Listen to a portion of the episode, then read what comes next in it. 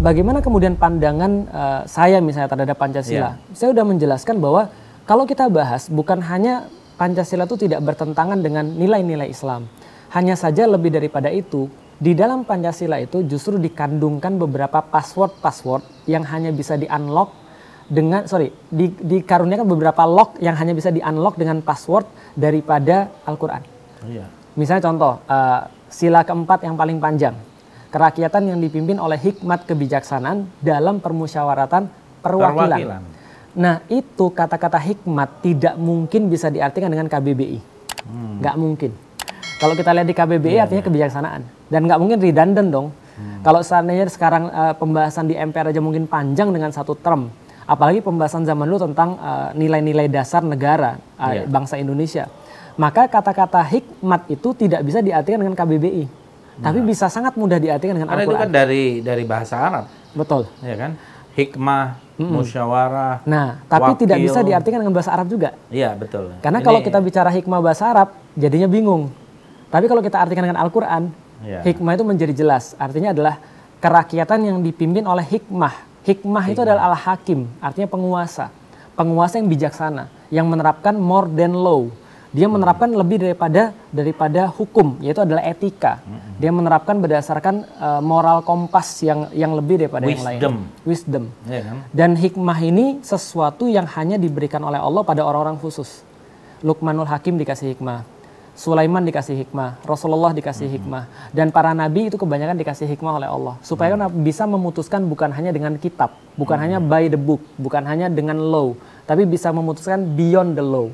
Nah itulah kemudian dikatakan sebagai hikmah kebijaksanaan dalam permusyawaratan perwakilan hmm. bahwa ada konsep perwakilan di situ, ada konsep musyawarah di situ. Betul. Di dalam Islam yang boleh dimusyawarahkan bukan semua hal, tapi hanya hal-hal yang boleh dimusyawarahkan. Contoh, tidak boleh musyawarah boleh uh, besok kita sholat Jumat nggak nggak boleh ya.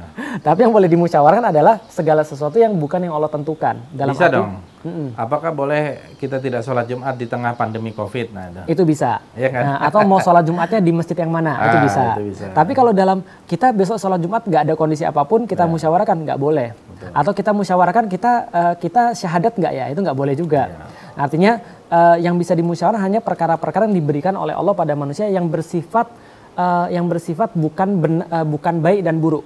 Tapi benar dan salah itu bisa dimusyawarahkan uh, atau indah dan jelek itu bisa dimusyawarahkan. Nah, dan perwakilan ada konsep wakalah di situ. Nah, konsep wakalah inilah yang membedakan sama permusyawarahan yang membedakan antara demokrasi hmm. yang dibuat oleh Yunani dengan konsep Islam pada uh, sempurnanya. Hmm. Gitu. Sebenarnya kan karena demokrasi itu terlalu banyak variannya. Betul. Tapi hmm. demokrasi kita tuh sangat spesifik kalau kita membedah hmm. sila keempat dari Pancasila. Ya. Betul. Ya. Hmm. Jadi sesungguhnya kalau kita lihat sebenarnya Majelis Permusyawaratan Rakyat yang dulu hmm.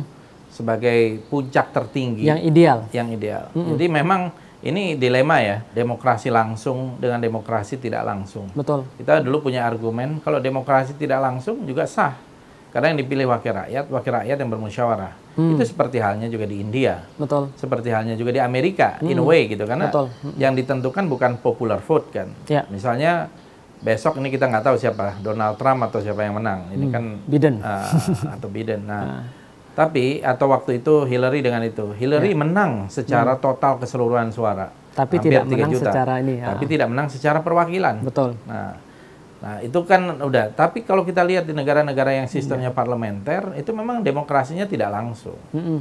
Nah, demokrasi langsung kan kayak kita nih, Indonesia, demokrasi langsung dari kepala desa sampai presiden. Betul. Hmm. Nah, sehingga akhirnya ada juga penyimpangan-penyimpangan politik uang hmm. dan bahkan demokrasi menjadi makin mahal. Ya, 80 persen ya, ya, katanya ya, berdasarkan laporan siapa saya lupa ada yang mengatakan ini bukan lagi demokrasi kalau kayak begini ini cukongkrasi. Saya termasuk yang mengatakan ini cukongkrasi. Iya, betul betul. Jadi harus oh. ada cukongnya.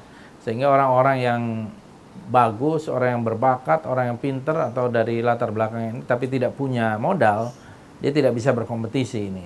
Ini yang membatasi. Jadi ini sudah demokrasi di captured oleh oligark gitu kan, yeah. oligarki. Tadi Anda menerangkan tentang Pancasila saya kira itu benar sekali gitu ya. Artinya kita sering kali terlibat ke dalam sebuah jargon Betul.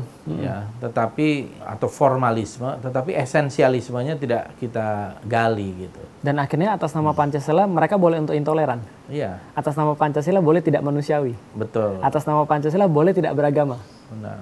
yang berbahaya sekarang ini adalah justru mereka yang tidak memahami Islam tapi menjadi Islamofobia Ya, nah dan ini yang sekarang ini kita lihat di seluruh dunia nih protes betul. terhadap Macron ya presiden Macron yang orang itu nggak ngerti sejarah tidak mengerti Islam tapi ngomong seolah-olah kebebasan berekspresi itu lebih tinggi ketimbang orang menghina orang lain gitu Ya. Nah, ini yang yang menurut saya menjadi masalah kalau anda melihatnya gimana Ya. secara global gitu ya Eh, pertama kalau soalan Macron ya, itu kan sebenarnya kita juga tahu ya bahwa dalam eh, kalau saya nggak salah Declaration of Independence-nya Amerika ya, itu kan mengandung ada hak-hak kebebasan orang. Yang paling dasar di antara yang paling dasar adalah kebebasan berpikir. Iya, Eh, yang tidak boleh diganggu gugat. Dan kebebasan berpikir ini nanti akan menghasilkan kebebasan berbicara. Eh, dan kebebasan berbicara atau freedom of speech ini akhirnya akan dire- eh, di, eh, dikaitkan lagi dengan freedom of act, kebebasan untuk bertindak. Jadi ada kebe- ada keterbatasan orang untuk bertindak selama dia tidak membatasi kebebasan berbicara orang lain. lain. Dan ada kebebasan berbicara orang lain selama dia tidak mengganggu kebebasan berkeyakinan orang. Itu kita, kalau kita bahas tentang bahasa bahasanya orang barat tentang kebebasan. Berarti kebebasan berkeyakinan orang muslim bahwasanya Rasulullah itu tidak boleh untuk digambarkan itu adalah comes first sebelum kebebasan untuk berekspresi. Nah, berarti ini pertama dulu. Kalau misalnya dia mau sedikit aja untuk tahu tentang kebebasan berpikir itu di atas segala-galanya, maka ini tidak boleh sebenarnya untuk dilakukan. Apalagi dengan sistem penantangan. Yang kedua, yang perlu kita lihat dalam kasus ini adalah bahwasanya kalau dia berpikir lagi juga, ini nggak akan menyelesaikan permasalahan. Eh, baik itu adalah permasalahan sekularismenya Prancis, kalau dia mau mengatakan bahwa itu adalah ideologinya mereka, ataupun permasalahan bahwa mereka boleh membebaskan untuk berekspresi. Apa sih kaitannya bereks- boleh bebas berekspresi dengan menghina orang lain misalnya, menghina keyakinan orang lain? Itu nggak bisa dan bahkan mendatangkan masalah yang lebih besar lagi. Tapi kalau saya lihat lebih lanjut, saya coba lebih berpikir, kenapa harus sekarang sih? Kenapa harus sekarang sih uh, after all segala macam yang sudah mereka alami? 2015 ada penyerangan uh, kantor Charlie Hebdo. Prancis bukan pertama kali dapat masalah kayak gini. Ya. Mereka bukan bukan baru belajar, mereka sudah belajar banyak sebenarnya. Berarti ada satu hal yang lain yang mereka inginkan. Kan kalau dalam satu kasus politik jangan lihat penyebabnya, jangan lihat prosesnya, tapi lihat hasilnya apa sebenarnya. Nah, kalau kita lihat hasilnya, kayaknya sih saya lihat ini adalah untuk meredam giroh Islam. Giroh Islam yang muncul di seluruh dunia. Iya. Yang kita lihat yang terjadi pada Turki misalnya, terjadi pada Indonesia, ataupun terjadi pada belahan-belahan negeri yang lain. Jadi kalau kita berbicara tentang teori konspirasi, ya bisa jadi ini adalah respons terhadap giroh Islam yang menggeliat di seluruh dunia. Sebenarnya saya melihat ini bisa kita tarik ke belakang ya. Waktu itu pernah ada seorang penulis namanya Samuel Huntington. Hmm. Clash of Ya, Civilization. Hmm. Clash of Civilization atau perbenturan Peradaban. antar peradaban. Ya, termasuk Islam di situ digambarkan sebagai uh, Kekuatan baru. Hmm. kekuatan baru yang akan berhadapan dengan kekuatan-kekuatan yang ada. Dan ini tepat waktu itu Ya, setelah uh, perang dingin usai. betul. Setelah disintegrasi Uni Soviet, dulu pertarungannya adalah antara kapitalisme melawan komunisme, Sosialisme. liberalisme melawan komunisme. Ah, kemudian Islam, ya. Dulu ada yang suatu menulis Islam coming from the cold, gitu Ya. ya. Mm-mm. Itu di dalam bukunya A Nation in Waiting. Saya juga diwawancarai waktu itu. Edward Said, seorang orientalis, itu menulis bahwa ini bukan sebuah pemikiran, kata dia. Ini bukan karya intelektual, ini adalah blueprint. Ya, Itu Edward Said mengatakan ini blueprint.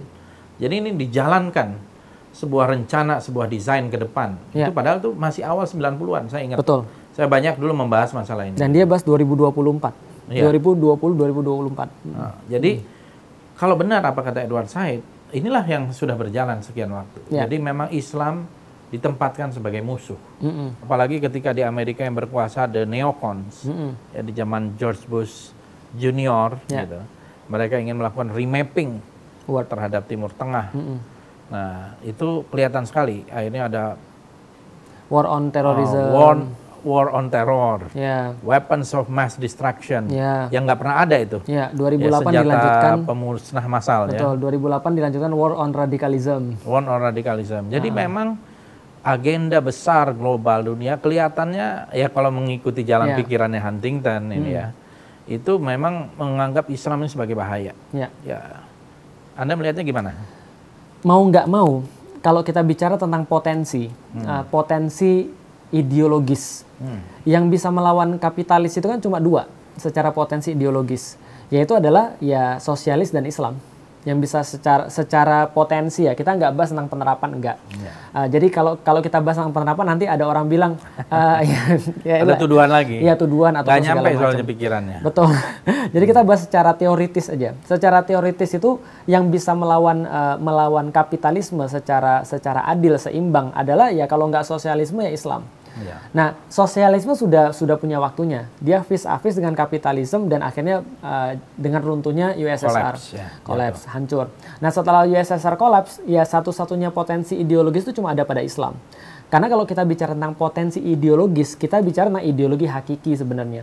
Yaitu adalah sebuah eh, ide dasar yang bisa untuk ditarik pada sendi-sendi kehidupan. Seperti ekonomi, lalu kemudian bagaimana sistem perpolitikan, sistem pemerintahan, lalu kemudian bagaimana politik luar negeri, politik dalam negeri, dan tidak ada satupun eh, ide mendasar kecuali Islam yang punya semua itu dengan cara pandang yang khas.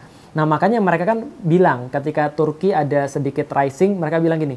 Yang menarik saya baca di eh, YouTube, mereka ada satu kata-kata menarik banget. Mereka bilang gini, "Eh, a commercial break that runs almost 100 years is going to be over. Then uh, the performance that spans about 100 and uh, 1000 and uh, and 300 years will be continue. Jadi dia bilang, uh, maafkan kalau saya salah ya, tapi intinya adalah uh, iklan, yang Iklan. sudah hampir 100 tahun 100 ini tahun. akan segera berhenti dan akan berlangsung kembali pertunjukan yang sudah mulai 1300 tahun. Ya. Nah, yang yang mereka Ya, kita bicarain- tahu maksudnya. Betul, yang kita tahu maksudnya apa. Dan mereka waktu itu Tapi masih Anda jelasin dong maksudnya. ya itu adalah bagian dari jadi gini, Samuel Huntington itu ketika berbicara tentang class of civilization, ada satu hal yang menarik dia memprediksi AU, European Union. Union. Dan ini sudah kejadian. Artinya kecenderungan orang ketika menghadapi satu polarisasi adalah mereka membentuk polarisasi yang lain. Nah artinya tidak ada jalan lain bagi kaum muslimin ketika mereka melihat hal-hal kayak gini kecuali mereka terjadi polarisasi. Dan ini kejadian dengan kasusnya Macron. Oh, ya. Minimal polarisasi secara pemikiran sebelum polarisasi secara yang lain. Berarti the rise of Islam itu bisa terjadi lagi. Dan itu yang dikatakan oleh George Bush. Uh, that spans from Spain to Indonesia kata dia kan ya. Yang dulu pernah ada kekuasaan kaum muslimin yang bersatu itu dari Spanyol sampai Indonesia. Nah, ini kan yang yang saya lihat uh, war on terror dan segala macam ini menurut saya masih terus berlangsung dan sekarang mungkin mengalami apa namanya itu uh, perubahan-perubahan bentuk atau metamo- Metamorfosis. metamorfosa, Iya. metamorfosa yang panjang gitu. Menurut Anda kira-kira ini akan ke mana gitu ya? Ya, Eh, ini sudah dijalankan. Saya pikir eh, metodenya kapitalis dalam dalam rangka menyebarkan eh, menyebarkan ideologinya kan sudah jelas. Yaitu adalah metodenya adalah penjajahan. Nah, dan penjajahan ini ada dua. Penjajahan secara fisik itu adalah penjajahan yang sering kita tahu. Dan yang kedua adalah penjajahan secara pemikiran, hegemoni. Nah, maka kalau kita lihat bagaimana caranya menjajah secara pemikiran atau hegemoni itu bisa terjadi, ya mereka harus membuat ide mereka menjadi menarik sehingga orang nggak merasa untuk dijajah. Nah, salah satu kemudian yang bisa mereka lakukan adalah dengan mengendalikan pemikiran. Maka pada tahun 2002 dimunculkan War on Terrorism. Siapa yang kemudian tujuan daripada War on Terrorism? Mereka yang punya aksi-aksi terorisme. Maka dikatakanlah apa itu terorisme? Sebuah perbuatan yang mengancam orang, membuat orang merasa takut, merasa merasa ter eh, apa ya? merasa eh, apa kehidupannya bisa di- direnggut dan segala macamnya. Dan itu nggak bisa di-apply pada orang-orang yang cuma berpikir dan ngomong doang. Iya, iya. iya. Tapi begitu kemudian di shift pada war on radikalism, maka orang yang mikir dan orang yang ngomong itu bisa kena. Karena ya orang radikalisme itu kan berasal dari kata radix ya, Mengakar. mengakar, akar. Ya orang berpikir kan harus mengakar. Dan lucunya standar gandanya itu eh, tetap tidak dicabut. Kalau seandainya kekerasan itu dilakukan atas nama orang yang punya kekuasaan ya itu tidak dikatakan sebagai kekerasan. Tapi begitu dikatakan eh, kekerasan itu dila- dilakukan oleh kaum muslimin yang mereka framing, maka itu dikatakan sebuah kekerasan walaupun mungkin bukan kekerasan. Bahkan masuk ke dalam masalah-masalah domestik.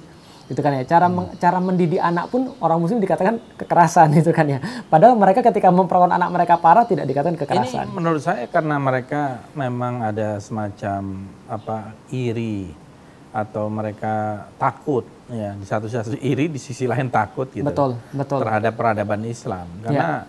kalau kita lihat uh, peradaban Islam ini kan peradaban yang agung. uh, ya besar dan sangat menghargai. Mungkin anda bisa cerita sedikit ya bagaimana hmm misalnya toleransi di dalam Islam. Ya. Mm -mm. Ketika Nabi berada di Madinah gitu mm -mm. kan, mm -mm. ada piagam Madinah. Betul. Mungkin ini orang perlu di refresh lagi gitu. Betul. Betul. Bagaimana sih orang Islam melihat ke yang lain? Saya saya tahu, saya baca sedikit lah dari buku Karen Armstrong dan Betul. juga beberapa yang mm -mm. lain. Mm -mm. Bagaimana ketika Umar bin Khattab sampai di Yerusalem dan itu sampai ke Bethlehem di gereja Nativity Kemudian kita melihat ada pengikutnya yang mengatakan kita ubah gereja ini menjadi masjid gitu. Tetapi Umar bin Khattab tidak mau. Enggak mau. Malah Umar bin Khattab mengatakan kita buat masjid di depannya. Ya, gereja betul. Nativity itu. Padahal hmm. itu kan tempat kelahiran Nabi Isa, ya. Yesus ya. gitu ya.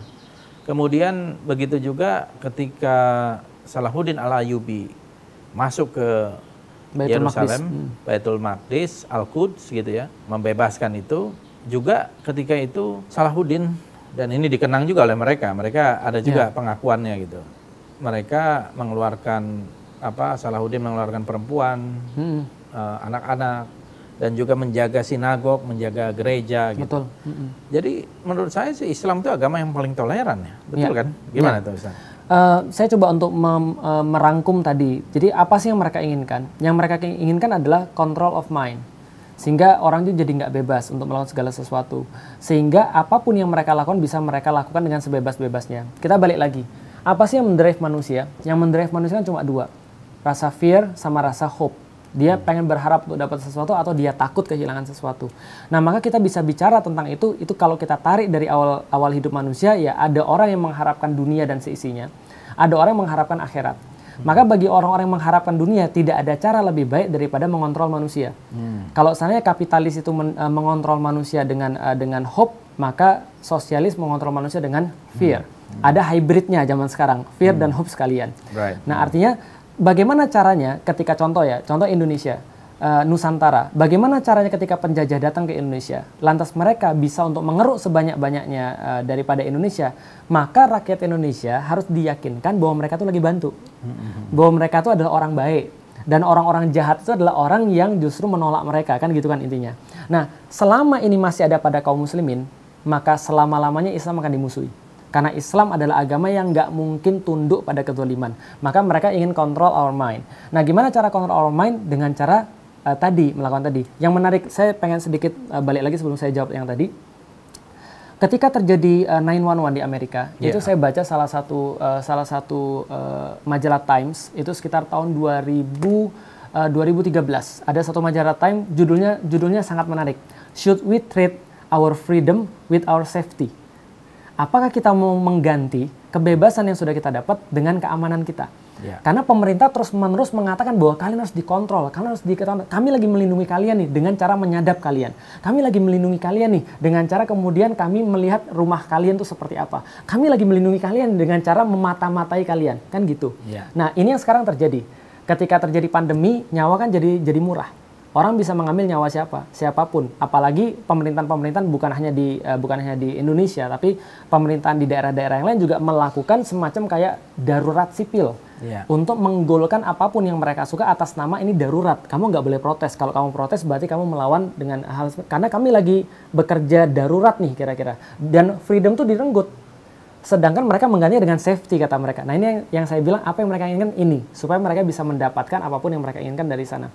Nah kalau kita bicara tentang masalah Islam itu adalah agama yang seperti apa, toleransi di dalam Islam, masya Allah, toleransi di dalam Islam itu bahkan ya sudah mengakar di dalam Islam itu sendiri. Contoh misalnya, ketika kita berbicara tentang manusia, Muslim itu jangankan manusia, mayit aja masih dihargai Makanya pernah suatu waktu ini ini dalil yang sering kali kita katakan lewat mayit Yahudi di depan Rasulullah, lantas Rasulullah berdiri. Ketika hmm. para sahabat bertanya, "Ya Rasul, itu kan Yahudi." Hmm. Kata Rasul, "Dia kan masih manusia." Padahal dalam tanda kutip seburuk-buruknya pada saat itu adalah yang dianggap adalah orang-orang Yahudi karena mereka membangkang pada Allah, membunuh nabi-nabi mereka, berbuat curang dan mereka suka mengingkari janji-janji mereka kan itu kan ya. Yeah, yeah. Nah, tapi kata Rasulullah after all dia manusia. Hmm. Bahkan kalaupun tidak manusia apakah tidak dihormati? Tetap dihormati. Kata Rasulullah jangan tebang pohon tempat untuk berteduh manusia. Hmm. Bahkan kalaupun dia bukan makhluk hidup apakah harus dihormati? Bahkan batu-batu pun dihormati di dalam Islam. Yeah. Maka kalau kita bicara tadi tentang toleransi ya, uh, ketika saya ditanya gimana rasanya dipersekusi, saya bilang kalau orang-orang Muslim itu sudah mempraktekkan toleransi pada umat beragama selain Islam, harusnya saya lebih berhak daripada itu. Iya, ya, betul betul. Jadi kira gitu. Jadi mungkin ada contoh-contoh yang konkret lagi. Ya. Tadi kan mm. penghormatan itu bahkan terhadap jenazah saja dihormati, apalagi sangat dihormati. Hidup. Dan mungkin, Rasulullah tidak mungkin pernah bisa ceritakan sedikit mm. bagaimana mm. arrangement gitu, toleransi itu di, di di awal sebuah periode yang disebut sebagai Madinah. Masya Allah. Jadi kalau kita bicara tentang Madinah, Rasulullah Rasulullah itu ketika mengatur kondisi Madinah, dia tidak semena-mena. Hmm. dia penguasa dan dia mengatur segala sesuatu dengan Islam. Tapi dia tidak membuat lantas orang-orang Yahudi itu kehilangan kemudian hak hidupnya. Maka di antara majelis umat yang dibentuk oleh Rasulullah, salah satunya ada dari orang Yahudi. Artinya mereka juga didengar, walaupun tidak wajib untuk uh, diputuskan berdasarkan dengan keinginannya, tapi mereka masih didengar. Mereka masih dimintai pendapatnya, mereka masih dimintai kontribusinya terhadap kemudian uh, kehidupan di Madinah itu seperti apa. Dan Rasulullah menjamin semua hukum itu ya before the law orang sama. Artinya kalau seandainya pun Fatimah mencuri, ya dia akan dihukumi tetap sama seperti hukum yang berlaku. Jadi ini ada ada civil law, ada hukum sipil dan semuanya berdasarkan itu semua. Jadi kalau kita bicara tentang toleransi ya terlalu banyak saya pikir ya untuk bicara tentang toleransi. Bahkan kalau di zamannya Muhammad Al-Fatih, Al-Fatih itu memberikan firman atau keputusan sultan pada saat itu yang merupakan dokumen pertama kali tentang hak asasi manusia. Ya, ya, ya. di uh, di Serbia kalau saya nggak salah di uh, bukan di uh, di Ethiopia kalau saya nggak salah hmm. atau di hmm. Serbia nanti eh, nanti coba dicek lagi tapi masih ada sampai sekarang hmm. diakui sebagai uh, sebagai satu satu dokumentasi tentang hak asasi manusia paling pertama di dunia. Jadi ya sama kayak di keluarga misalnya. Di keluarga saya, keluarga saya itu bukan orang muslim semua. Jadi kalau saya bilang ada yang bilang saya intoleran, saya balik bertanya, kamu sudah punya keluarga yang beda agama belum sehingga kamu bisa mempraktekkan toleransi itu pada mereka, bisa makan bareng, bisa kemudian pergi bareng. Lantas ketika pergi saya dikasih waktu untuk salat Jumat, lalu kemudian ketika mereka makan mereka nanya saya, Islam eh, Islam boleh makan ini atau tidak, ini halal atau tidak dan segala macamnya. Bagi saya bapak saya itu justru menunjukkan toleransi yang lebih besar daripada orang-orang yang melakukan persekusi itu. Iya.